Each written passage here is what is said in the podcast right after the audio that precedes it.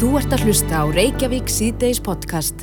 Jæja, áfram höldum við Reykjavík C-Days og við ætlum að hefja leitin á uh, skoðanapisli sem að byrtist inn á vísi.is með fyrirsögninni Skordýra eitur með nammi bræði.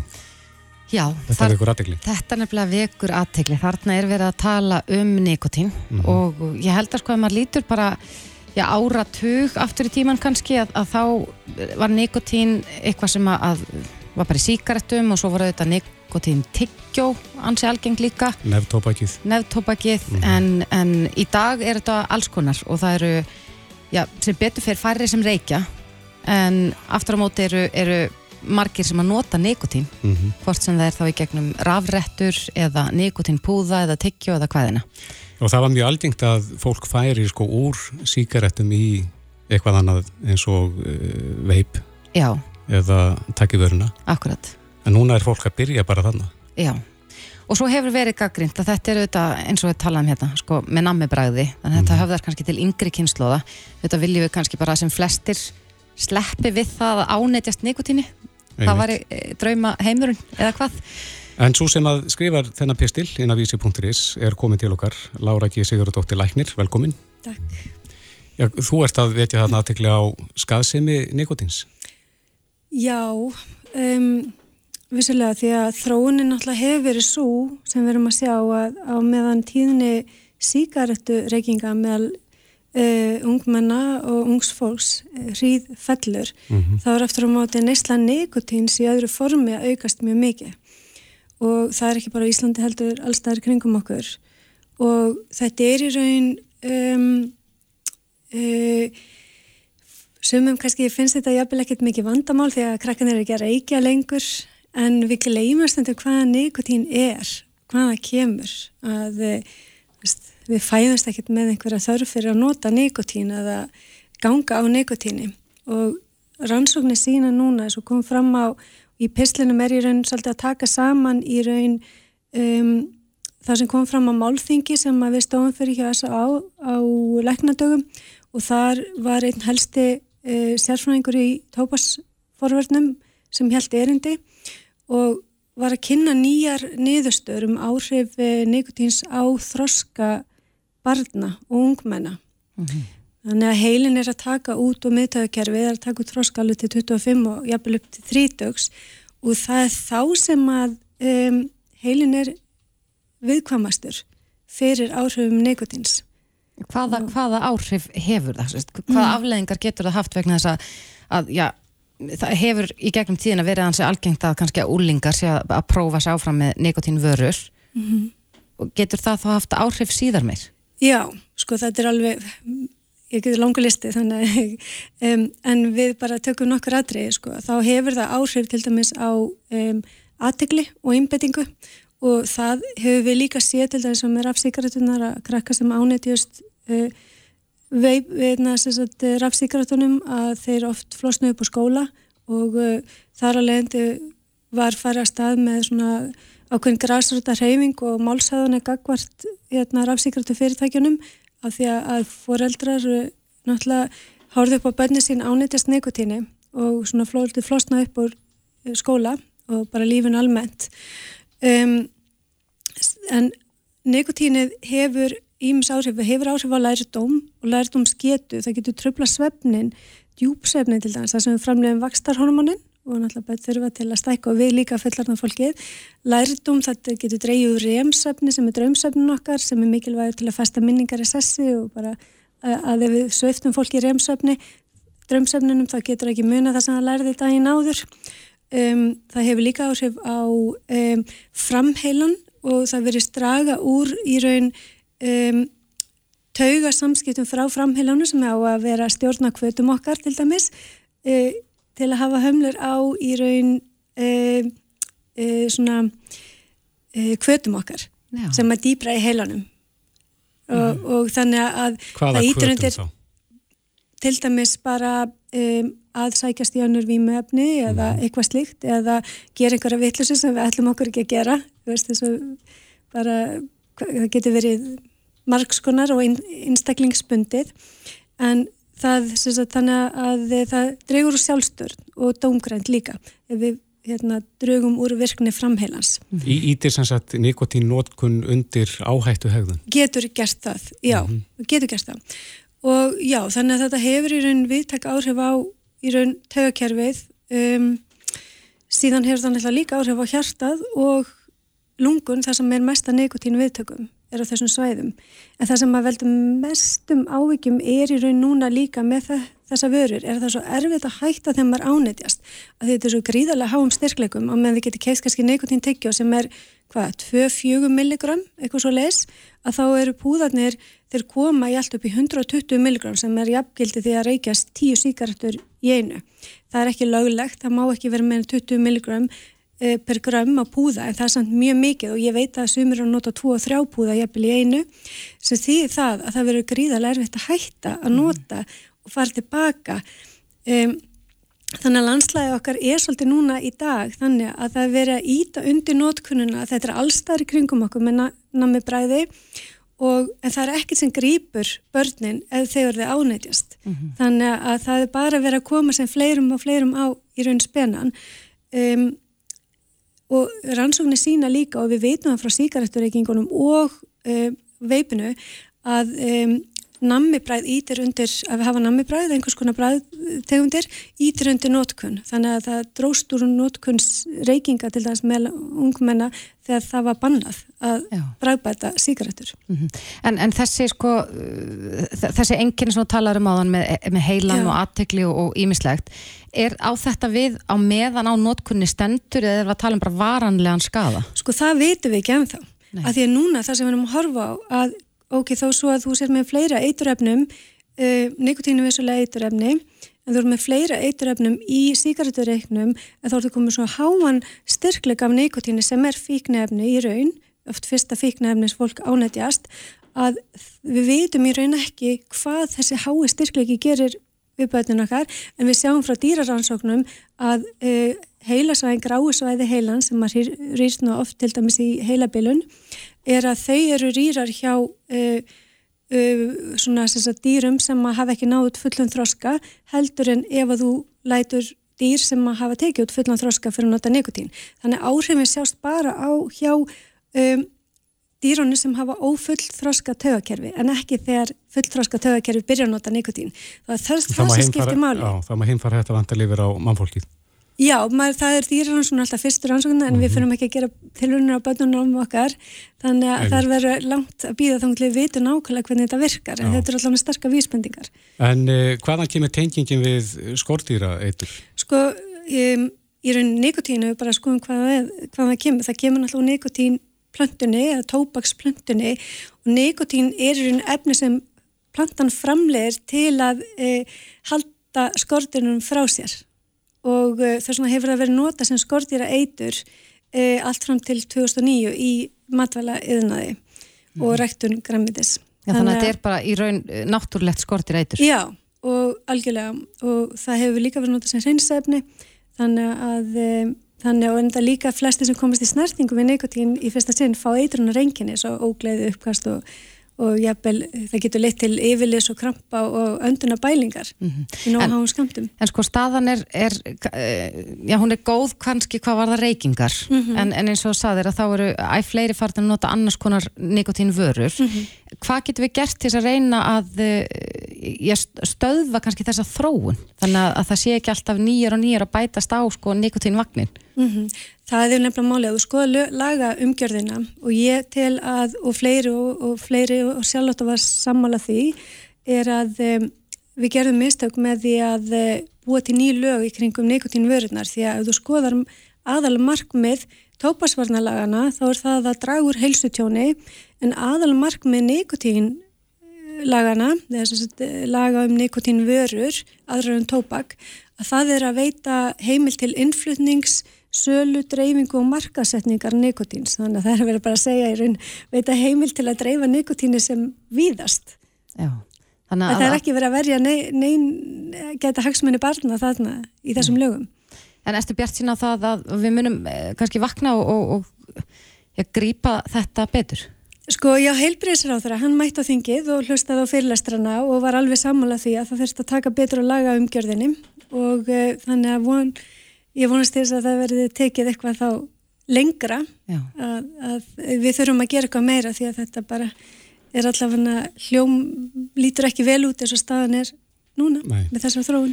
Og það er að lesa pislinni þinn inni á vísi.is Lára G. Sigurðardóttir Læknir og líðhelsufræðingur hjá S.A.A. Kæra þakki fyrir komina. Já, takk fyrir mig. Þú ert að hlusta á Reykjavík C-Days podcast. Jæja, það er alltaf gaman að tala um íslenska tungu. Mm -hmm.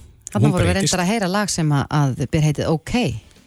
Það er, er það ekki... orðið íslenskt? Já, það er spurning. Mm. Hvort að, að já, OK sé bara voru hlut af okkar tungumál líka. Já. En uh, það hefur mikið verið talað um já, svona uh, kynhlutleysi íslensku að, að uh, það er einhverju sem að halda því fram að við ættum í auknumæli að, að tala kynhlutlust mál, það er mhm. ekkit allir sammála því en nýjasta dæmið sem hefur uh, vakið aðtegli er það að mentaskólinn við Sund hefur aflagt orðið starfsmanna fundir sem heiti yfir fundi starfsfólks og kallar samkom, samkomurnar nú starfsfólksfundi. Já, þetta er ekkert mjög þjált orð.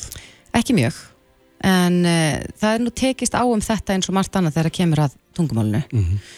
Og uh, ekki allir kannski sammálu um hvort að þetta sé eðlileg þróun uh, eða ekki Nei eh, Dr. Ólína Kjærúl Þorvaradóttir, professor og deildafósetti við Háskólana Bifröst er á línunni, kom til sæl Komið bless og sæl Já, við heyriðum í þér síðast þegar að orðið eh, fiskimaður var í umræðinni og innkom fiskari Já.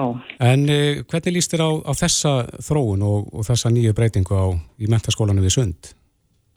Já, síðast þegar við töluðum saman þá spáði ég því að ef að menn ætluð að láta mjög undan þessari kröfu um kynhlutleysi orða og farað útrýma orðinu maður, forðast það í orðasamböndum og atvinnuheitum og öðru, að þá myndi það kannski hafa ófyrir, eða bara eiginlega fyrirsjáanlegar afleðingar fyrir fyrir uh, málkerfið og, og, og merkingar heim tungumálsins mm -hmm.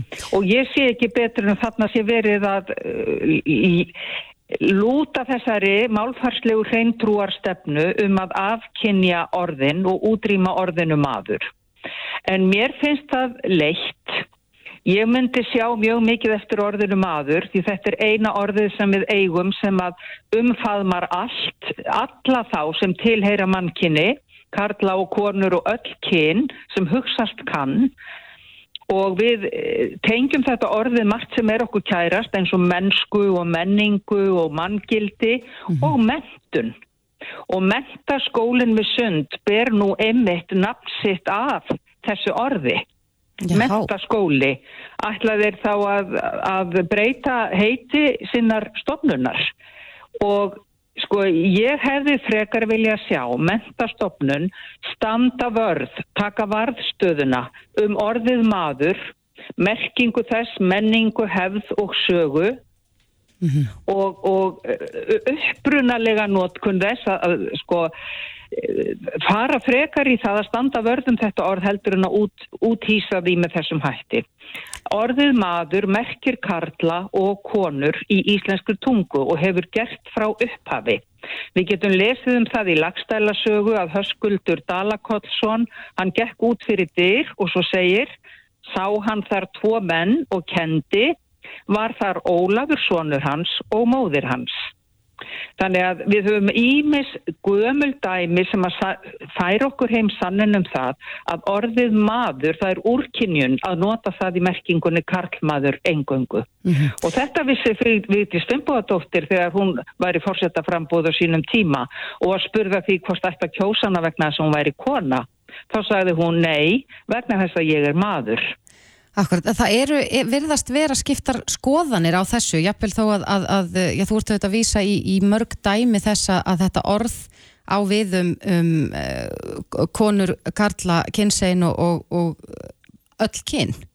Já, en, og er sennilega eina orðið sem við höfum sem er svo altækt, því að orðið fólk, það er til dæmis eintölu orð yfir fleirtölu fyrirbæri, en uh, þú getur ekki nota það um einstaklinga bara svo ég nefni sem dæmi, það er miklu fátæklegra orð og við erum með orði maður í svo mörgum orðasamböndum og atvinnu heitum, það er svo margt sem myndir láta undan ef við ætlum að fara útýsa þessu í einhverjum á pólitískum ástæðum likum við við að segja og Mhm. mér finnst bara íslensk tunga vera það mikið ver, menningarverðmæti og það, það mikil gersemi að við eigum að fara eh, varlega höndum um hana. Hven, já, en Ólína, hvenar byrjaði þessi tenging að, að tengja þetta orð við Karla? Sko hún hefur verið að gerast smátt og smátt og verulega náttúrulega eftir. Þetta eru dönsk og ennsk áhrif myndi ég halda inn í, inn í íslenskuna. Því í, í, í dönsku eða í norðurlandamálunum og í ennskunni þá, þá þýðir orðið menn eða menn. Það, þýðir, það er notað í merkingunni karlmaður. En uh, ég myndi halda að þetta væri svona hefði verið að færast í aukana uh, svona eftir, fram eftir 20. öld. Svo kom kvennalistin og kvennaframbúðið til sögunar senkt á síðustu öld, uh, á síðustu áratug, hérna þeim síðustu áratugum síðustu aldar. Og þær endurvöktu og fóru að tala, nota orðin karlar og konur í mun ríkari mæli heldur en gert hafði verið. Og það voru margir þeim þakkláttir fyrir það vegna þess að þar með þá var svolítið hrest upp á þessa merkingu að maður merkir bæði karl og kona og e, en svo hefur þetta látið undan í setni tíð bara núna alveg á síðustu árum mjög hratt myndi ég segja en fólk af minni kynnslóð það hugsaður um orðið maður í merkingunni karl og kona Ég er alveg samfærð um það. Þetta er yngsta fólkið og, og, og sennilega er mentaskólinu sundarinn að höfða til, síns, eh, til aldurshópsin sem, þjó, sem að þau þjóna. Það er að segja framhaldsskóla unglinga og, og, og svona fólks af yngri kynnslóð. En það er þið bara svo mikill skaði að útrýma þessu orði og það er svo margt sem þetta er láta undan í bókmentum og skáldskap og því bara hvernig við hugsaum um heiminn og tilveruna ef að orði maður myndi eh, hopa svona út úr málinu. En sko þró, þetta þróast tungumál og þau, Já, okkar tungumál mun gera það áfram. Heldur að þetta sé, að við séum einhvern veginn að horfa á, uh, já svona fyrstu stígin í þessari þróun að, að e- ef við horfum tilbaka eftir 50 ára þá verðum við alveg hlessa á þessar umræðu? Ég veit ekki og ég heldur ekki vissum að við eigum að kalla þetta þróun. Þetta geti alveg eins verið úrkynjun. Menna það er að verða breyting á tungumálinu. Uh, hún er í pólitískum réttrúnaði núna að útrýma. Þetta, sko, það, er engin, það er engar málfarslegar ástæður sem að kalla á þessa breytingu. Það, það eru bara pólitískar. Og það er þessi miskilningur að orðin séu, sko, orðin móti mannin, ef ég má orða það þannig. En ég vil nú bara minna á það að til dæmis hommar og lesbíur tóku sig til og tóku orðið hommi sem var skammarirði hér fyrir fáum áratugum, þeir tóku það bara inn að barmi og fóru að nota það. Og allt í einu þá bara misti orðið þennan skammar svip sem það hafði haft og var bara eðlilegt heiti yfir fólki sem vildi nota það um sjálft sig. Og eins er með orðin maður, ef að, við, ef að stjórnvöld og mentastofnanir og, og ráðandi aðilar í samfélaginu ætla þegjand og hljóðalöst og án samþykkis að fara út hýsa orðum eins og orðinu maður Sko, þeir, þau eiga, við eigum alltaf val um það hvaða stöðu við tökum. Tökum við varðstöðu með orðinu og þeim mál og merkingarheimi sem við þekkjum og viljum við nota hann rétt og í góðu skyni eða viljum við fara út í ykkur svona hreinsunarstefnu og rítskoðun á, á daglegu tali fólks. Ég er maður og ég vil bara ekki láta henda mér út úr mannkynni með, með þessari breytingu og ég líti ekki á þetta sem þróun. Heldur það sé stemning í samfélaginu fyrir því að, að fari þessa breytingaherferð? Sko ég held að það sé stemning fyrir því hjá einhverjum hluta en ég er ekki vissum að það sé neitt meiri hluti. Nei. Og þau sem að er að eldast við þetta núna í einhverju svona vinsældasókn eða, eða viðleikni til að, kannski miskilinu viðleikni til að koma til móts við ákveðin sjónamið, ég held að þau bara átti sig ekki alveg á því hvaða, hvað muni hljótast af því ef þetta heldur áfram. Því þegar skriðan er farin af stað getur orðið svolítið erfitt að stoppa hana og þá er kannski líka búið að ruggla svolítið málvitund heitlar kynnslóðar Já. sem að kannski skilur það ekki lengur hvað er átt við þegar höskuldur Dala Kollsson sér tvo menn koma ríðandi en og svona, haldað um sér eða tvo karlmenn. já, en svona kannski rétt í lókin, hvað finnst þér um þetta nýja orð, starfsfólksfundur? Mér finnst þetta fátæklegra orð og mér finnst þetta óþjált og það lætur ekki vel á tungu. Þannig að starfsmannafundur finnst mér bara eðlilegt orð. En auðvitað ráða starfsmenn og, og starfsfólk og, nefendur og, starfsmenn mentaskólans við sund uh, hvaða hugtöku er nota. Starfsfólk er auðvitað alveg eðlilegt orð. En ég vil nú ekki sjá því skipt út fyrir orðið starfsmaður. Nei, þetta er gert með svona En mjög við markvissum hætti. Já, ég meina mér finnst við höfum bara nota þessu orði í öfnum höndum eftir því hvað máltilfinningin segir okkur hverju sinni og starfsmannafundur hljópa, hljómar betur í mínum eirum en starfsfólksfundur það er harðara á tungu. Akkurat.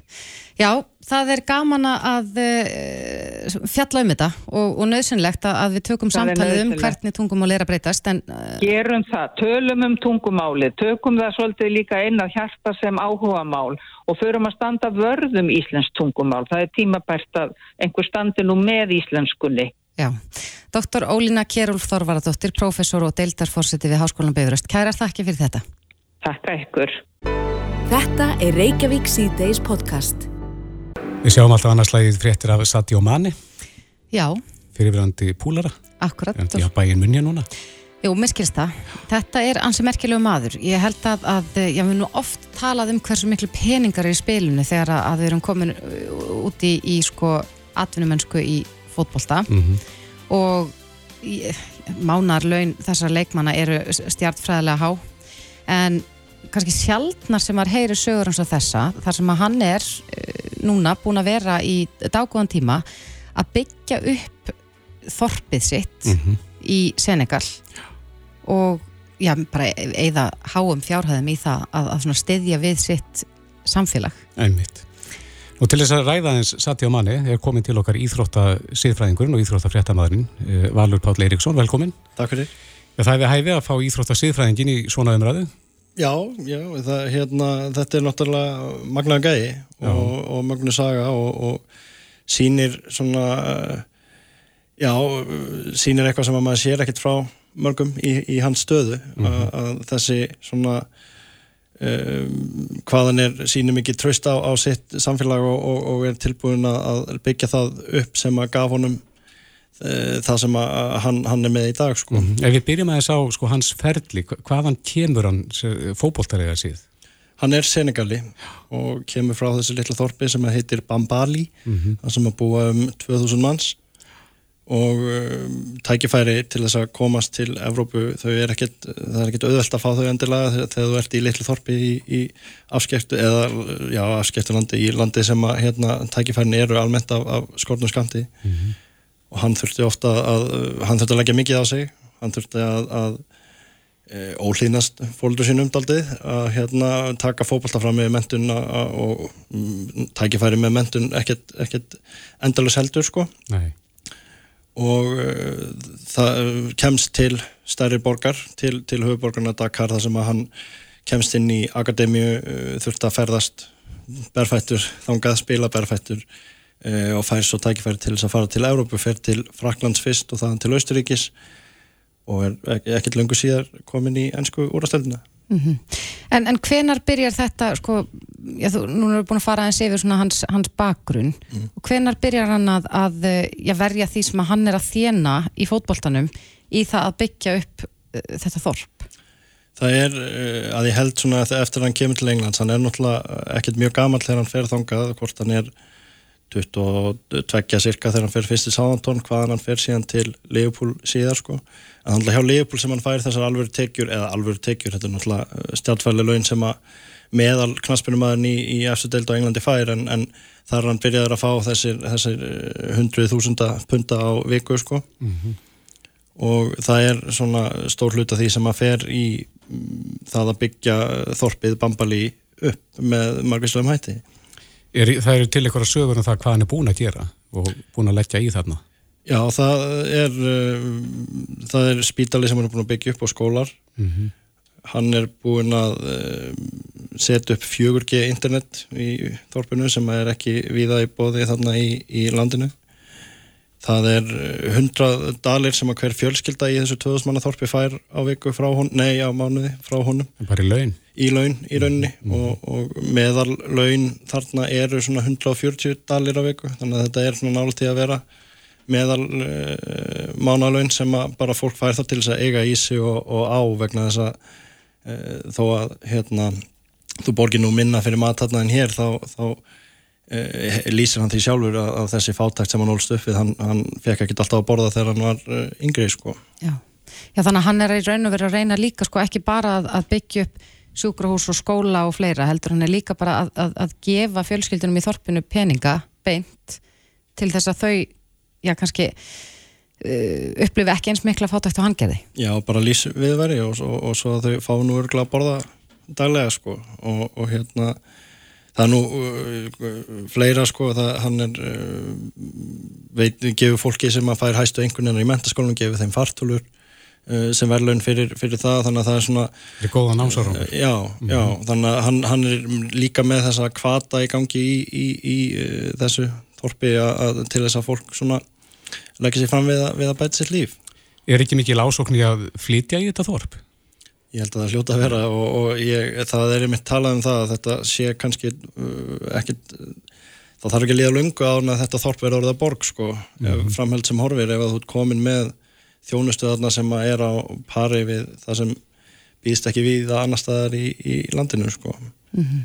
um, og, og bara frábært að, að, að ef, ef svo verður að þetta sé þá líka bara kveitandi fyrir í ríkinu til, a, til að bæta sitt ráð sko. eins og hægt er. Maður heyrir nú alveg stundum sko, þessir menn eru nú ofta að gera alls konar góð verk og það er gefið til góðgera samtaka og svo eru þetta eflust eitthvað sem að, að við bara vitum ekkert. Mm. við fáum ekki vita af hverju einasta góðgera eh, hverju einasta málefni sem þessi menn er að styðja. En þetta hlýtur að vera mjög einstakt. Við þekkjum ekki mörg dæmi þess að, að ja, menn í hans stöðu gerir svona Nei, og manni finnst ofta því að þetta er orðið svo rosalega gegnsýrt að peningum allt saman að, en það eru alltaf þessar reyfingar í gangi hvort sem að það er e, þá er ég ekki endilega að tala um einstaklinga eins og manni heldur líka bara fókbalta sem heilt hvort sem það er FIFA, hvort sem það eru deildir eða eitthvað svolítið rosalega góðar ég að sína að þau sé rosalega andum einhver málefni en maður veit aldrei nákvæmlega hvað það er að baki eða hversu mikið fer í raun í málefni mm -hmm gott dæmum það er, er Black Lives Matter hreyfingin sem að ennska úrlastveldinu mitt tók rosalega uh, hardt á með því að menn voru alltaf að krjúpa hnið fyrir leiki. En hvert er markmiðið með þessu og hvaða ávinningi á að ná með þessu? Það, það er kannski ekki afskýrt en þú lítir samt rosa vel út PR-lega séð að því að þeir eru alltaf að krjúpa hnið og núna er séðan búið aðeins svona endur skoða það það er gert, ekki gert jafn oft og margir þelt okki leikmenn sem voru hættir að gera þetta vegna þess að þeir einmitt sá ekki ávinningin af þessu og fannst þeir bara að vera tól í hjá deildinni um að, um að koma þessa framfæri.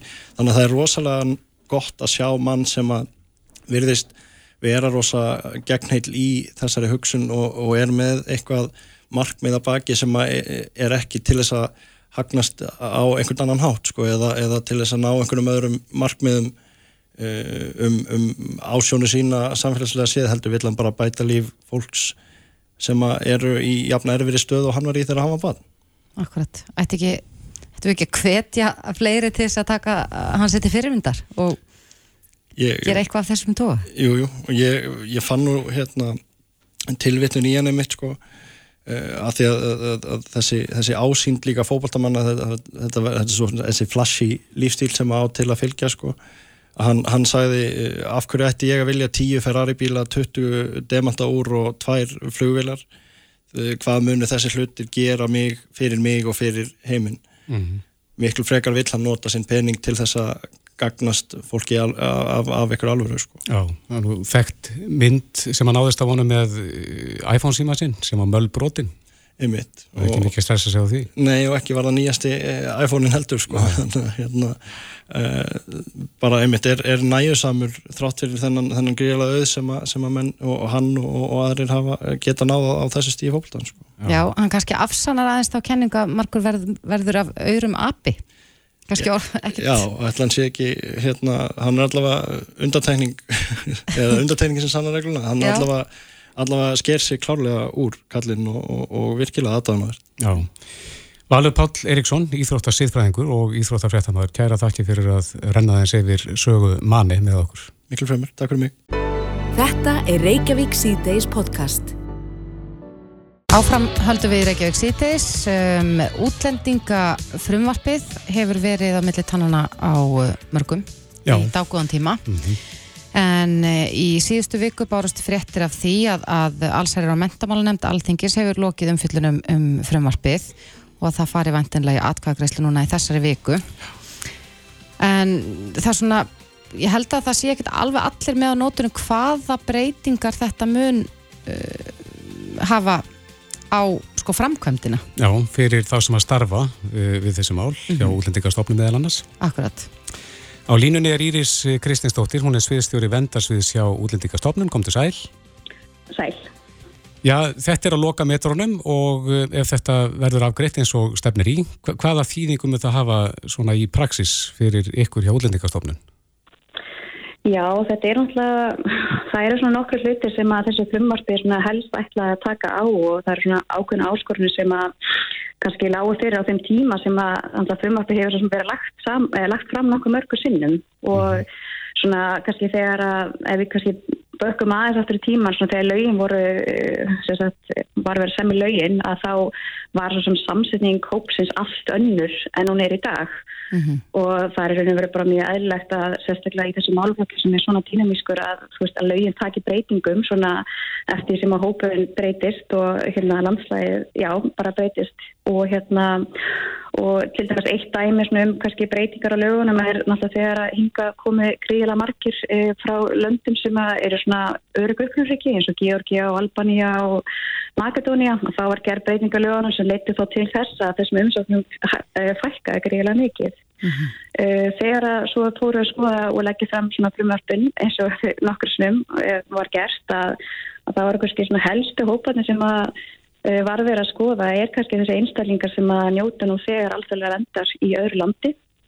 Uh, árunum til dæmis 2018 og 19 að það var bara helmingur allra umsókna voru frá einstaklingum sem sérst, fengið vend í öðru landi Um, svo náttúrulega er það langur málsnöfratími að það hefur kannski verið óþarlega langur stundum málsnöfratímin í þessum málum og þessi frumvarpi er enda ætlað svolítið að taka þess á því Hver, hvernig þá? og um, já það eru svona nokkur þættir sem að sem að eru þar og það er kannski svona fyrst og fremst um, að maður fyrst að taka fram að núna í ákveðnum málum og það er sérstaklega málum sem að einstaklingar um alþjóðlega vend og í sem diplinamálum sem hafa eflust heyrt um eða það einstaklingar með dvalega í örugur stríðaríki að hérna þá reynur veru þegar við komum til að fara niðurst ef við hjá útlendingastofnun að þá reynur veru kemur sjálfkrafa kæra. Þannig þá fáður reynur veru ekki lengur þannig umhugsun að frest sem eins og lögin er núna að það er reynur þetta þannig að fólk bara að það fær neikvæða niðurstu að þá kærist bara sjálfkrafa til nefndarinnar, kærnefndar og þess, þá reynir verið yfir svona stytt og svona alltaf byggðtíma, þú veist, í málsmeðferðinni og reyna svona að keira kannski þessi mál svona hraðar í gegn heldur en að, að áður hefur verið. Já, einhver tíman hefur nú verið rætt um það að, að já, eins og þú segir, þá eru einhverju einstaklingar sem að koma hingað sem eru nú þegar með vernd í öðrum ríkjum ég, mér skildist á umræðunum dagina að í einhverju löndum í kringum okkur að þá sé fólki nú bara nánast snúið við á landamærunum er, er þetta frumvarp að fara að, að eh, hafa eitthvað slíkar breytingar fyrir með sér? Nei, alls ekki. Uh, allir sem koma að hinga og sækjum alþjóðlega vend þóðu sé með vend í öðru landi að það eiga rétt á málsmyndir hér á landi og hérna en með íræglunum verið er svo að, að stjórnveld meiga sinja uh, um efnislega málsmyndir af því að þú veist, ef það likur fyrir að þú hefur fengið alþjóðlega vend til dæmis í öðru landi.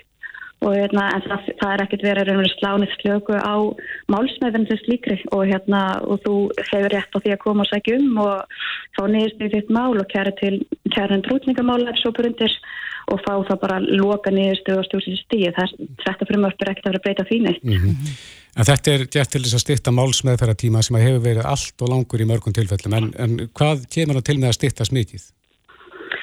Sko það er kannski svona erfitt að segja til um það svona akkurat á þessari stundu en það er svona nokkru þættir sem er að spila þarna inn í meðal annars þessi sjálfkrafa uh, kæra. Og svo er það kannski líka svona aðeins spurning það er líka verið að breyta þessu sem uh, þið hafa nú heilt kannski talað um svo tólmána fresti eða alltaf þessa tímafresti sem er í lögunum okkar sem er kannski svolítið frábriðin öðrum löndum af því að uh, eins og þetta er núna þá þýðir það ef að þú ert með til að vendi í öðru landi og kemur til Íslands og þú ferð ekki niðurstöðu eða þú bara ferð ekki loka niðurstöðu og ert ekki flutt úr landin á tólmóna þá þýðir það að þú getur aftur eftir efnisleiri málsmyndur hér landi. Og það er svona kannski svolítið já, pínur svona sér íslenskt eh, fyrirbreyði þessins frestir. Og nú er aðsverju breyta því og hérna það og svo breytingrunum sem er í frumverkunu leiði kannski til þess að færri komast í efnislega málsmyndarð af því að núna er verið meða við uh, eh, lókstjórnfíslumáls en því að bara þegar úrskur kæranda líka fyrir að þá, veru, veist, þá er þessi tímafæsti bara ekkert lengur raunverði skoðinars og eða það er nefndi að innan tólmúna að þá getur ekkert farið jæfnislega málsmið frá það tímafæstum og þetta getur líka alveg haft mögulega einhver áhrif svona kannski setna meir kannski erfitt að segja til um það en kannski leiði þess að fólk um, já það kannski fær minna út úr því að reyna að vera kannski lengur umfram þess að tólmáni mm -hmm. af því að það, það er raunverði mjög ekki breyta niðurstöðinni Þannig að þetta er líka kannski eitthvað eitt hluti sem geti kannski svona komið eitthvað aðeins uh, svona, já, svona kannski þegar að framlýja stundir, þá kannski geti maður að segja einhverja mögulega breytingu, já, sem er þetta að segja til um það. Já, já það hefur þetta verið, já, gaggrínt að, að, að ef fólk er hinga komið og, og jafnvel búið að festa rætur og, og börn komin í skóla og bara fólk byrja að aðlagast samfélaginu þegar að, að málsmeðfra tímin er svona gríðarlega langur þannig að, með þessum breytingum eru þeir svona bjart sín á það að, ykkur takist að afgreða málinn hraðar og þar að leiðandi koma kannski vekk fyrir það að ef að fólk er sendt aftur út að það mm -hmm. sé svona ekki eins erfitt Sko þetta er svolítið svona tvífætt þetta sko málsmaður tímin og svo hvað það tekur langa tíma að flytja einstaklega á landi mhm. -huh. og það hefur nátt verið og það eru vissulega hópur hér á landi sem hefur beðið lengi eftir að sérst, vera fluttur á landi en sko þetta frumar sem það kannski breytir, já það getur breytt því aðeins að því að nú er það gert ráð fyrir því að þjónasta getur fallið nýður uh, á 30 dögum liðinum það er loka nýðurstöðu og þannig er það aðeins verið að reyna svona að höfða kannski til Eh, einstaklinga að nýta sér valkosti eins og sjálfulega heimför uh, á landibrótt eða þá að vinna með stjórnvöldum að komast kannski stundum vantar uh, við að brefa okkur annað slíkt. Og svona reyna kannski að vera að þrýsta svolítið fólki í þetta að þú veist að velja sér það valkost tó að fara af landibrótt í staðan bregast í lendi þeirri stöðu að, að þú sést hér á landi og kannski eftir allir bara með enga þjónust eftir 30 daga. Hva, hvaða þjónust er það sem að fellur niður? það er raun og verið þessi þjónusta sem vinnumálstofnun er að veita núna það er náttúrulega, það er húsnæði og bara framfærsla og bara öll svona almenn þjónusta sem að eh, njóta Akkurat. en það eru vissulega undatekningar bara svo það sem tekið fram á þessu nýðfyrningu þjónustu og til dæmis er það aldrei fælt niður þjónustu í börnum eða þeir sem já, er í sérstaklega viðkomur stöðu og svo framvegis og, og eða náttúrulega þú sérst, kýrst að vinna með stjórnvöldum og sem að snýja því að, að, já, að láta flykningin ganga upp og þá líka eru hortið þess og tjónustum þá ekki fælt niður. Mm -hmm. Hvernig eru þessa breytingar svona samabóri við löndin í, í kringum okkur? Uh, það er í raun og veru sko, uh, ef við tökum kannski eins og varandi þarna frestin sem ég nefndi á það, þá er þetta sko, þá er þetta meiri takt kannski við það sem er að gerast í kringum okkur. Þó svo að frestin hér á Íslandi sé vissulega um, þekkist ekkert í mörgum löndum svona í kringum okkur. Um, og varandi þjónustuna þá er það vissulega mjög þekkt að þjónustan kannski fellir niður eða svona stig, fyrir svona, svona stiglækandi eftir því sem að þú veist líður á og þannig það er alveg, þetta er svona til samræmis kannski við sem er svona, já, kannski ef við horfum á Norrlöndin þá er þetta ekkert frábriðið því Nei Já, það verður auðvitað mjög fórhættanilegt að fylgjast með því hvernig þetta fer á, á þingi núna en það skilst mér á fréttum að þetta sé já, umræða, umræðan um þetta frumvarp mm -hmm. hefur mhm. tekið mm -hmm. mjög langan tíma í, í samanbyrði við önnum ál en mm -hmm. hvernig er, er svona hljóðið í, í starfsfólki útlendingastofnum? Mar veitu þetta að, að umræðan í ykkar garg getur oft verið ansi harðorð? Já, uh, já sko hljóðin er alltaf bara gott í okkur sko. Við erum hérna, uh, við erum svo sem alveg vun að vinna bara í þessu, þessu umhverfi og hérna við, ekki fyrsta sinn sem að það er verið að reyna, eða er að vera að breyta lögunum og við tökum þessu bara með stóískri ró og, bregðast bara við þegar og ef lögin vera samþitt. Mm -hmm. Þeir eru oft mikla tilfinningar í, í þessar umræðu? Já, það eru það og það er mjög skiljanlegt en það líka bara er, er við að ræða við líf fólks mm -hmm. og, hérna, og það er, eins og segi, það er bara mikilvægt að, að halda uppi líka bara umræðinu og vera óhættið að tala um þessi mál því að ég held að sé, já, bara mikilvægt að eitthvað meina að leiða okkur að, að tala og hafa tilfinningar og, en já, bara halda því áfram sko. Já, en teljið þið þessa breytingar á lögunum svona til hagspóta, svona hvað ykkar starf varðar? Að ákveðinu leiti, já, þá myndi ég segja það og náttúrulega kannski svona, kannski skýrast á dæmi er kannski núna þessu breytinga, nú fylgir atvinnuleifi sjálfkrafa mannúðuleifi og þetta er og veru eins og úkrænu fólkið, nú fær það raun og veru atvinnuleifi með mannúðuleifin sínu, að það var áður þannig að fólk verður að sækjum það sérstaklega mm -hmm. Og hérna það er eins bara mjög jákvæð breyting. Þannig að ef að fólk fær mannúðuleifi þá fær það sjálfkrafa atvinnuleifi? Atvinnuleifi, já. Já. og það er bara, bara gríðilegu tímaspartnaði náttúrulega bæðið fyrir okkur og náttúrulega líka fyrir einstakling sem á undir að nú bara færa þetta og getur það bara strax byrja að leita sér aðtunu án þess að vera eitthvað háður aðtunu veitundan sem er bara mjög jákvægt Akkurat, þetta fremvart mun vantarlega fara í loka atkvæðagreislu á morgun ef ég skil fréttir dagsins rétt en Íris Kristinsdóttir, sviðstjóri Verndarsviðs hjá Útlendikastofnun kærar þakki fyrir að fara yfir þetta með okkur Já, takk fyrir Reykjavík síðdeis á Bilginni podcast. Klukkuna vantar rétt um 15 mínútur í 6 og leikskólamálinn hafa nú verið mjög ábyrgandi í borginni undanfarið misseri. Já, það vakti auðvitað greiðilega miklu aðtekli hérna síðasta haust þegar fóreldrar reynlega mótmæltu harlega, mæltu mm -hmm. neyri ráðhús með börnin sín vegna þess að já, sömur höfðu kannski fengið lofvarðum að fá pláss þá um haustu og svo var því frestað og, og þetta er svo sem kannski sama umröðan að við erum alltaf eigað, við erum einhvern veginn að stefna að því að, að börn komist inn við 12 mánuða, 18 mánuða aldur en, en raunin er önnur Einmitt. börn eru talsvert eldri sem hver mm. þegar þau loksins fá leikskólaplass og þetta getur skipt gríðarlega miklu máli. Já. og jafnveg að líta á þetta sem mikið jafnrættsmál mm -hmm. Marta Guðansdóttir, borgarfulltrú í Sástæðisflokksins er komið til okkar, velkomin. Takk. Já, þið segja að það blasi við og stefni í, í neyðarástand. Já, í rauninni hefur verið neyðar ástand eins og Þórtís var að lýsa hérna áðan þegar að fóreldrar e, þrömmuðu nýri ráðhús og mótmæltu í ágúst og ég bóðaði e, sérst, og kallaði eftir aukafundi og að skólafrýstundarað yrði kallað heim og sumarlefi e, nýri ráðhús til þess að vinna í þessum málum. E, en nú stefnir bara í enn meira neðar ástand vegna þess að í februar þá fenguðu svar frá skólafrýstundaráði um það svar við fyrirspurn okkar sjálfstæðismanna hver var meðal, meðalaldur barna við intöku í leikskóla og meðalaldur barna þá var 20,1 mánuður en nú stefnir í að, og stefnir í stórum hverfum eins og í Vesturbænum, Íborg og Hlýðum að börnir verða tveggja og háls til þryggjára við intöku Já. og fyrsta bat sem verður tekið inn í Hagaborg eins og uh, sást í morgunblæðin í morgun haft eftir leikskólastjóranum þar E, verður tveggja hálsás. Já, maður hefur nú lengi heist talað um það að, að, að já, stefnan er svo að geta tekið börnin við 12 mánu aldur.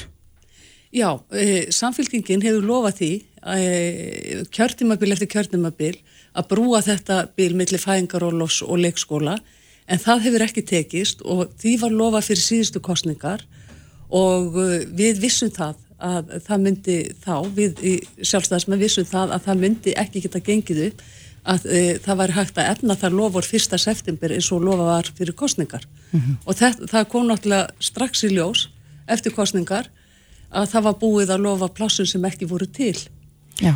En e, hvert er vandamálið? Af hverju er staðan svona? Staðan er meðal annars núna vegna þess að það er mikið og langvarandi viðhalsleysi á leikskóla byggingum og þetta eru orðnir einir 26 leikskólar sem að hefur verið lokað eða stendur til að loka vegna óviðundi ástands og það hefur líka áhrif á intöku barna og áhrif á að gringa á þessum bygglistum. Mm -hmm. En hvernig er, nú hefur líka ofta rétt um það að mannekla er sér hluti af vandamálunni, hvernig stöndu við þar? Er, erum við með nægilega mikið af kennurum til þess að geta annað eftirspurninni? eftir leikskóla plássunum? Eh, því miður þá hefur verið eh, viðvarandi mannekla og uh, það, ég tel að það hef ekki verið unni nú vel í því að leysa þann vanda. Þarna í ágúst þegar við bóðum til aukafundarins í, í skólafristundaráði þá lögðum við fram e, sex tilugur, meðal annars e, var einn tilagan e, þess efnis að við myndum gera það sam og við gerðum í, í COVID og, og við varum með ja, svona lista yfir fólk sem að vildi skrá sig sem að væri kannski komið á eftirlunaldur og vildi koma inn tímabundi með að væri verið að leysa vandan Við e, nefndu líka að það mætti gera störfin í frístundaheimilónum að helstagsstörfum þannig að e, starfsmenni þar getur unnið fyrir hátegi í leikskólónum og eftir hátegi í frístundaheimilónum sömur leiðis að í leikskóla liðanámi sem er til dæmis í borgarhósskóla e, að þeim nefndum gefis kostur á einhvers konar starfsnámi þannig að þeir nefndum myndi þá nýtast sem starfskraftar. Mm -hmm. Aðalatriði hér er að Við þurfum svona að hugsa út fyrir bóksið og samkvæmt nýjustu tölum eh, sem ég hef frá eh, leikskólasviðinu þá er bygglistin frá 6 mánuða 2500 börn. Eh, frá 12-13 mánuða 601 börn og ef við tökum inn fluttningsbörnin með sem er í sjálfstæðsstarfandi skólum þá er þetta 1801 börn. Mm -hmm. Fyrir ekki 1808 börn. Já. En, en hvað leggir þið til? Hvernig, núna erum við komin í þessu stöðu og, og það er kannski erfitt að vinda hana því það þarf að sinna viðhaldi og, og, og úrbótum á byggingunum. Þurfum að, að vissulega hafa starfsfólk til þess að þeir geti starfað.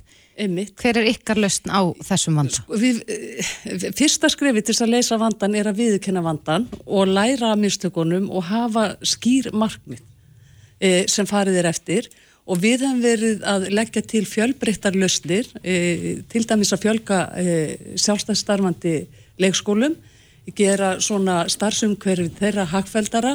Er e, til e, fólk til að vinna þar?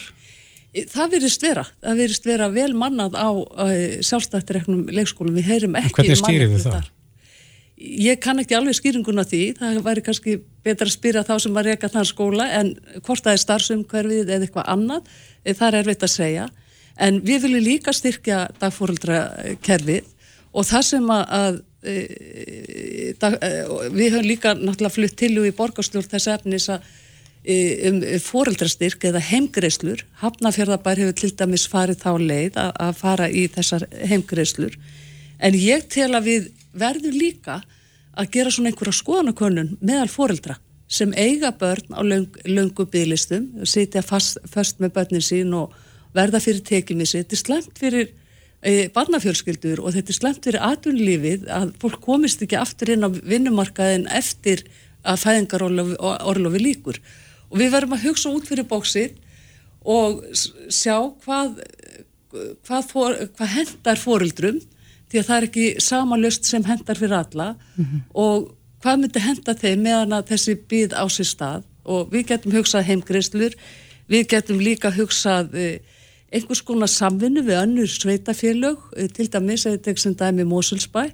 að eh, börni Grafavogi getu, eða var í lausplás þar, nýtt þau við getum líka stíðið það skrefa, bjóðu upp á fimm ára dildir í, í grunnskólum, í mhm. tilteknum hverfum. Fyrir ekki, er staðan betri í nákvæmna sveitafélagun? Hún er betri, já og uh, það hefur alveg komið ljósa bæði Hafnafyrði og Kópói þar sem ég þekki til og Garðabæ uh, þar hefur gengið betur enn í Reykjavík. Hver er munurinn? Munurinn er sá að meðalaldurinn er lægri. En, en hvað eru þau að gera sem að við ættum að læra af? Það er það sem að ég ráðleg formann í skóla og frístundarhás og meirulutunum í Reykjavík að fara og skoða. Mm -hmm. Ég held að það sé starfsumhverfið og ég held að það sé ákveðin fyrirhyggja og, og, og forgánsröðunin er rétt. Það er að forgánsraða í þáu barnafjölskyldna í þessum sveitafjölum, það er alveg klárt. Mm -hmm. Þessi, þetta er mjög áhugaverð umræð um þessar heimagreislur og við töluðum nú um daginn við, við hana Margreði Pálu sem stopnaði hjallastefnuna og hún var nú uh, með ykkur liði, má segja, hún, hún segir að þetta sé hitt bestamál, en svo hafa komið upp gaggrinsrættir að þetta muni að sé, þetta sé ákveði jafnbreytismál líka, sko, að, að, að þetta muni lenda meira á konum og konur verði þá já, frekar heima og, og farið síður aftur í vinnuna en, en hefur aldrei verið kannad hug barnafjölskyldna til þessar tillögu? Nei, það er það sem ég var að vísa til áðan, að það væri réttast að gera skonakonun meðal e, þessara barnafjölskyldna sem að eiga börn á byglistum, hvaða úrræði myndi henda þeim og við sáum líka að það væri til viss eitt úrræði að bjóða hálstagsvistun sem getur þá komið til móts við e, þessa fóreldra á meðan að beðir eftir leikskólaplási. Já, þá væri hægt að, að, að gæti þá tvær fjölskyldur samnýtt eitt leikskólapláss. Einmitt og ég tel að það hef bara gengið allt og hægt að reyna að leysa þennan eh, leikskólavanda. Því var lofað í haust að, að, brettu bermarnar og fari að leysa þetta og laga stöðuna en það hefur bara gengið allt og hægt og við sjáum það að ástandið er að versna en ekki að batna til miður. Já, þetta er eh, einhvern veginn svona umræða sem við tökum oft og, og virðist ekki eh, kannski gerast nægilega hratt þessar breytingar sem að, þurfa að gerast svo að, að hægt sé að leysa þetta en við fylgjumst auðvitað bara áfram með þessu. Já, Já. við þurfum bara að vera uh, með lausna meðar uh, nálganir við að leysa þennan vanda en ekki innan tóm lofur. Nei, það eru fjölmarki sem býða greinilega. Marta Guðnarsdóttir, borgarfulltrú í Sálstæðisflokks, kæra þakki fyrir komuna. Takk. Reykjavík síðdeis á Bilginni podcast. Óskarsverlunin fóru fram í nótt Já. og uh, Engi kynnestur? nei, sko í fyrra þá var náttúrulega eina sem við rættum um var kinnhesturinn Frægi sem Já. að Will Smith gaf honum Chris Rock. Chris Rock og uh, já, núna er kannski bara meira áhersla á, á uh, þá sem að unnu og, og kannski svona það sem verðlunum snúast um í raun og veru Sem betur fyrr. Já, en uh, Vísir og Stöð 2 fóru þetta uh, alveg rosalega vel yfir hátíðin og það var bein textalýsing í, í allan ótt á meðan að hátíðinni stóð inn á vísir.is og, og svo var þetta keppninni líst á íslensku Já. á Stöð 2 Einmitt. En Kristín Ólafsdóttir, Óskars sérfræðingur mikill, er sest hjá okkur. Heldur betur. Komdu sæl. Herðu, komið sæl. Takk fyrir að bjóða mér. Já, þið, eh, þú og Dóra Júlia, þið voru með beina textalýsingu í nótt af hátíðinni. Já. Hvað var svona það sem, er eitthvað svona eitt sem að stendur sérstaklega upp úr eftir þess hátíð? Um, já, eins og við segja, það var náttúrulega engin löðrungur. Nei. Maður var svolítið að býða eftir að eitthvað skemmtilegt myndi gerast sem að gerist ekki, en þetta var þetta alveg, þetta var ákveði skemmtun svo sem. um, ég meina, það sem stendur upp úr er kannski, hérna, uh, ég myndi örugglega að segja að þegar Brendan Fraser vann, það var svona svolítið óvænt, að því að eins og hefur framkomið að þá, hérna, sópaði kvikmyndin Everything Everywhere All At Once, hún sópaði svolítið til sín uh, velunum, var svona sigurvegari hátíðarinnar, bara útfýraður, en það var mikil spenna í kringum þennan aðal leikara flokk og hérna Brendan Fraser, hann eh, fór með sigur á holmi þar. Hverju voru tilnefndir? E, það, var, sko, það var hann, svo var Aus- Austin Butler sem að hérna leki í Elvis mm myndinni. Mhm. Var hann, ekki var, talin jú, sigur stránglega? hann var talin svona sigurstranglegastur áður en í aðdraðandanum og það voru fleiri hérna uh, hvort var Bill Nighy var uh, tilnæmdur og, og hérna og fleiri Þannig Paul en- Mescal og svo Colin Farrell. og Colin Farrell, já, nákvæmlega En Brendan Fraser, hann vann þarna velun fyrir uh, besta leikara í aðhluturki fyrir myndina The Whale Já. sem að uh, er, er áhugaverð mynd en, en þetta er líka bara svo áhugavert fyrir hann vegna þess að hann Já. var nánast útskúfaður úr Hollywood Já, í dágóðan tíma. Einmitt, hún var eiginlega bara svona svolítið útýst og, og hann er búin að vera hann er búin að vera svakalega sympatískur í, í, í þessu öllu saman.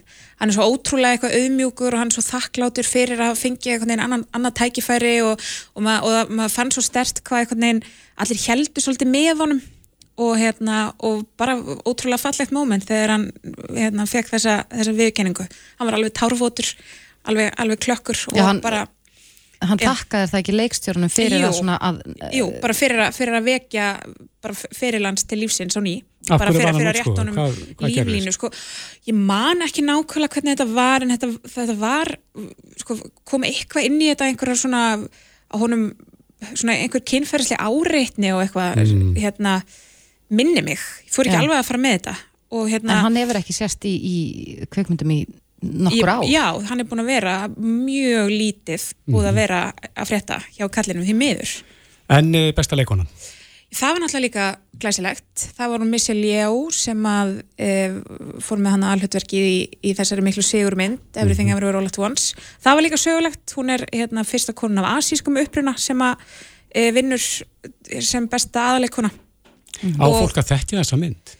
Já, ég myndi segja það. Hafið þið ekki séð hana? Nei, Nei. hvað er, verðið er, að- hefur hún verið í kveikmyndahúsum eða eitthvað? Já, al, bara öllum helstu. Hún reyndar var, hérna, sest, var í síningu tiltrúlega snemma á síðast ári minni mig svona um, um vorið þá Um hvað fór ég allavega á hann í bíó um hvað er hún? Það er það uh, hún er, hérna, sko Missy Leo er, hún leikur svona alpersonuna, konu sem að hérna, flyttur til bandarækjana, þetta er svona ameríski draumurinn pæling smá, þau eru svona innflytjanda fjölskylda og hún og maðurinn hennar hafa byggt upp svona business, er að reyka svona, svona londromat og hérna hún er orðin rosa þreytt, einhvern veginn hjónabandið orðið ástlaust og uh, dóttir þeirra, hún er önug og hérna alls konar og, og svo fléttast inn í þetta uh, hún uppgötvar einhvern veginn að hún geti hoppað á milli vita og svo upphefst svona mjög æsileg atbyrðarás og þetta er rosalega flott mynd Já, sko ég veit ekki hvort að ég sé hérna bara svona menningar snöð en, en hinga Mm. til eh, í alveg dágóðan tíma ég man nú eftir þegar Titanic var besta myndin þú. Mhm. veist það er, hún er óumdeild geggju mynd en, en uh, þessar myndir sem eru að vinna þarna á Óskarsvælunaháttíðinu hafa Já. kannski ekkit endilega höfða til allra svona Nei, síkasti við mitt fórum hérna vel yfir þetta, við vorum með svona smá umræðu þátt, ég og Dóri Júlia og, og Samuel Karl hérna samstagsfélagi okkur á Vísi. Að hann, var, hann framvísaði hann að gögnum, hann hefur mikið áhuga á þessu sérstaklega, að sko það hefur myndast svona svolítil gjá á milli sem sagt bestu mynda, eða þú veist það sem að akademían og gaggrínendur telja bestu myndir, myndirnar sem eru tilnæmdar svona þessi síðustu ár og svo myndirnar sem að fólk vill í alvörunni sjá í bíó. Og það var síðast árið 2003 sem að sko, þarna þetta fór saman. Þar sem að að tekjuhæsta mynd var líka valin besta mynd. Já, Hvað, er eitthvað sem útskýr þetta? Já, ég, það er erfitt að segja Já. ég bara, þú veist, náttúrulega neyslu vennjur, áhersvennur hafa breyst og, þú veist, sammið með kenningum að það sé auðveldara að framleiða myndir, einhvern veginn ég þekki þetta ekki alveg, en Nei. þetta er áhugavert að pæla í þessu. Já, en uh, voru einhverjir, einhverjir fleiri, ég veit auðvitað að það voru veitt fleiri verðlunarna, við fengum ekki Óskarn í ár, Nei. Uh, íslensk kona, hún Sara, var, var tilnæmt fyrir bestu uh, Te, stuttmyndina. já, teiknuðu stuttmynd, já. Akkurat, og hún, hérna, hún fekk ekki, hún var með, var með myndina My Year of Dicks, akkurat. um, og við þetta bundum mikla vonu við, við hennar, við íslenskan sigur. Uh, en var það ekki. Það var einhver þekki ekki myndina sem að sem að vann, hún, hérna einhver svona fóða sætt virðist vera. Já. Já. Eitthvað fleira sem stóð upp úr þarna? um, já, það er spurning sko hann, hann er líka annar svona sympatískur sem að hefur vakið mikla aðtikli í þessu verðluna á þessu verðluna sísoni er hérna annar leikar úr Everything Everywhere All at Once sem að vann sem sagt, besta aukaleikara. Hann er hérna, hann á líka merkilega sögu var svona leika á móti Harrison Ford var svona batna stjarna hálgerð en, en fekk svo ekkert að gera í bara áratugi og fær svo þetta tækifæri og er aðalmaðurinn. Og það er engin jafn gladur að vera á, á svæðinu og hann mæli mjög með að að horfa á þakka ræður hans svona Já, var það ekki hann sem að, að, að svona einhvern veginn gólaði sjáðu mamma, ég vann Óskar Jú, eitthvað slíkt? jú, æðislegur ótrúlega fín en, en þetta er greinlega mynd hátíðarinnar. Já, alveg tímanlaust og ég, mér finnst að þið ættu at once. once þið ættu það, bara ég mæli heiklust með að kíkja á hana Já, ég sé því mér að við höfum ekki tíma til þess að tala um kjólana. Ég man Oh. þegar ég horfði alltaf hérna áður á Óskarsvælun, þá fannst mér alltaf rauðdreitin. Það er náttúrulega nákvæmlega Ég Hvaða er alveg stóð saman. upp úr? eða Heyrðu, dress? um, hérna mér held ég Cara Delevingne flottust hún var reyndar, hún var ekki tilnæmd eða hún, veist, hún er, hérna var að kynna velun Mhm. um, eða kynna inn lag eitthvað, ég man ekki alveg hvað hún var að gera þarna en hún var í glæsilegum kjól svona rauð, rauðum, stórum hérna, áhrifamiklum Já, ég er að skoða myndan, hann er Já. mjög Er það ekki? Ertu ekki sammála? Ég er sammála. Þetta er, er skemmtilt og við þetta, það er hægt að lesa allt um þetta inn á vísi.is. Já, ég mæli endilega rennið við vaktina þó hún sé ekki í beinni að kynna ykkur atbyrðar á sinna Já. það var skemmtilegt kvöld Kristín Ólafsdóttir, fréttamaður á, á stöð 2 og vísi, takk kærlega fyrir komuna. Takk Hlustaðu hvena sem er á Reykjavík C-Days podcast. Ég veit að það eru margir landsmiðnórnir frekar þreyttir á þessu kuldakasti. Já, sko ég held að, að eh, svona óþól okkar gagvart þessum kulda mm ígist verulega vegna þess að við fengum svona smá svikavor Já, um daginn. það stóð ekki lengi. Það stóð alls ekki lengi og maður hugsaði bara, ó það er svo dásanlega tími framundan en viti menn, mesta frost í Reykjavík í marsmániði frá árinu 1998 Mhm. mældist um helgina. Já. Sigurður Þótt Ragnarsson er á línunni, kom til sæl. Komið þið sæl á blessuð. Já, er þetta kuldakast í kortunum hjá þér eins langt og augað eigir? Sko, uh, þetta lítur alls ekkert vel út allra næstu daga. Þetta er bara, þetta er bara alveg ótrúlegt að fylgjast með kortunum og hversu mikill kuldin er og það er líka óvanalegt að við erum að fá mikinn vind með þessu og það er, sko, kallt loft er mjög þungt loft og þarf svolítið til að reyfa það.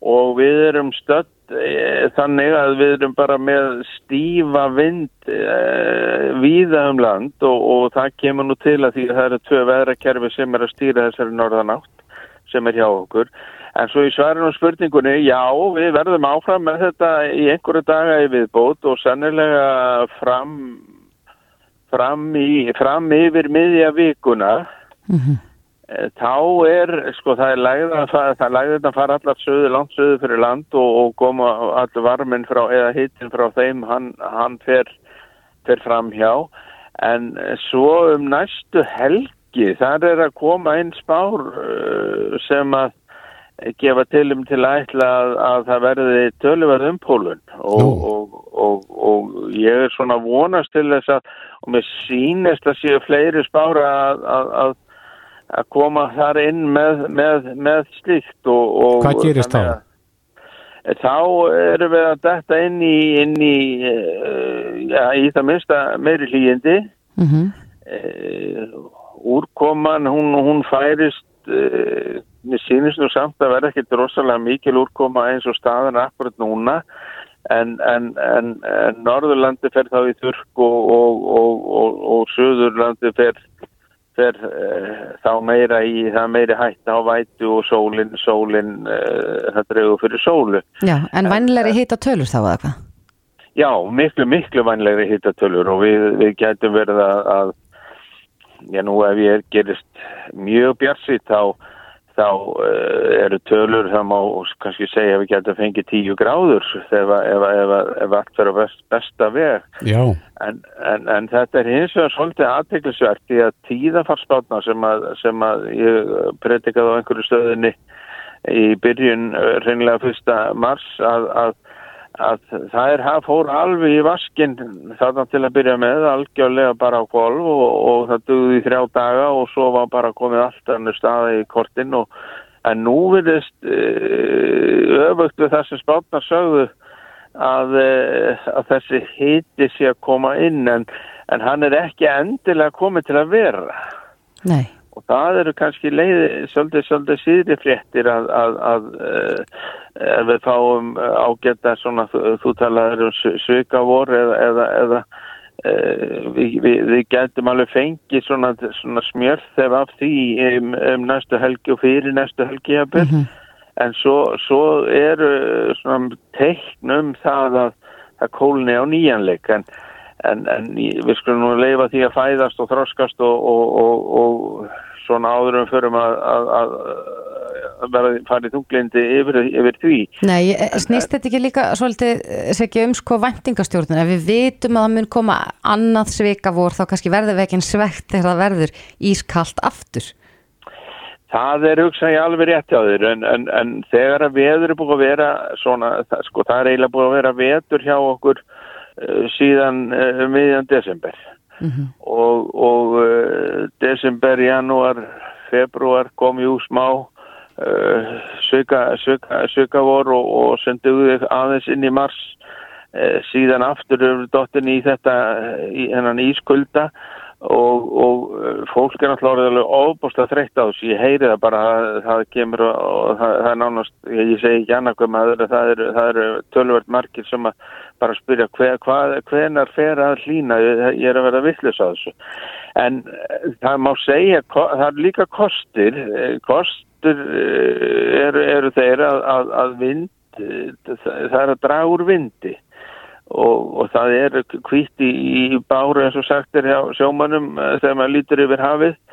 Og, og, og þá eru vindstigin orðin þessi gamlu góðu vindstig sem sjóman notuðu 6, 7, 8 vindstig og, og, og við erum að tala um, um vindtraða sem fer yfir, yfir, yfir 10, 12, 15 metra sem staðar og meira náttúrulega enn viðar en, en, en, en kosturinn við að vindur er alveg þetta niður. Við verðum með kulda fram á 50 dag þá, þá verður dölverður vissnúningur og, uh, hann mun verða eitthvað, eitthvað, eitthvað áfram. En, en þetta er alveg réttjáður og ég tók eftir því þegar ég kom með síðustu tíðafarsbá að því þær hafa nú verið alveg tólanlega, ég, ég er tólanlega ánaður með árangurinn af þeim þó að það var fyrir allt í vaski núna og maður náttúrulega bara í rustli yfir því að því að væntingarnar eru orðnar svo mikla væntingar um gott veður eru orðnar mjög mikla En sér ekki, segir þetta eitthvað til um uh, sumarið, hvernig veturinn er búin að vera? Ég hef náttúrulega ekkit annað en tíðanfarsbátnar til, til að steyðjast við og, og þær virðast nú vera að sína að april gæti bröðu til begja vonu og orðu, orðu til til að kaldur eða í það minnsta ekkit sérstakur, svona la-la mánuður en, en, en auðvitað erum við að tala um tíðarfar, tíðarfar er ekki dag, einn og einn dagur, það er, það er heilt yfir séð, en svo er, eru spennandi hlutir að gerast með vorinu og, og, og í þessum tíðarfarspám og, og þó, ég er bara svo illa brendur eftir, eftir spána síðast eh, fyrsta mars að Að, að ég er, er svona varkárar en, en ég hef oft verið áður. En, en sko, þá er reynda stóra spurningin, ég veit að við tölum oft við þig og við viljum svona reyna að, að fá að vita svona sirka hvernig sömari verður og sirka hvernig bara veðrið mun vera hér. En Já. er hægt að segja eitthvað til um það hvenar bara það mun vora svona fyrir alvöru, ekki þetta svikavór sem við erum að sjá. Já, ég skal ég skal, ég, sko, ég, ég skal bara uh, stútir það fyrir þig og, og, og bara uh, ég, og bara fara djúft í það og reyna, reyna að sjá Eh, hvað, hvað við getum verið að hvernig staðan er og, og, og, og hvað, hvað líkindin segja. Og ég skal, skal lefa þær um leið og það er tilbúið sko ég kom með einhverja svona fastmótaðri hugmynd og kjarkmeiri Að, að, að, að þá er ég alveg tilbúin til að láta þið uh, vita alveg fyrst af aðri sko, fyrst af öllum segir. Gott að heyra, Siggi, en svona við streikum undir, það er von á öðru svikavori sem að stendur stutt yfir.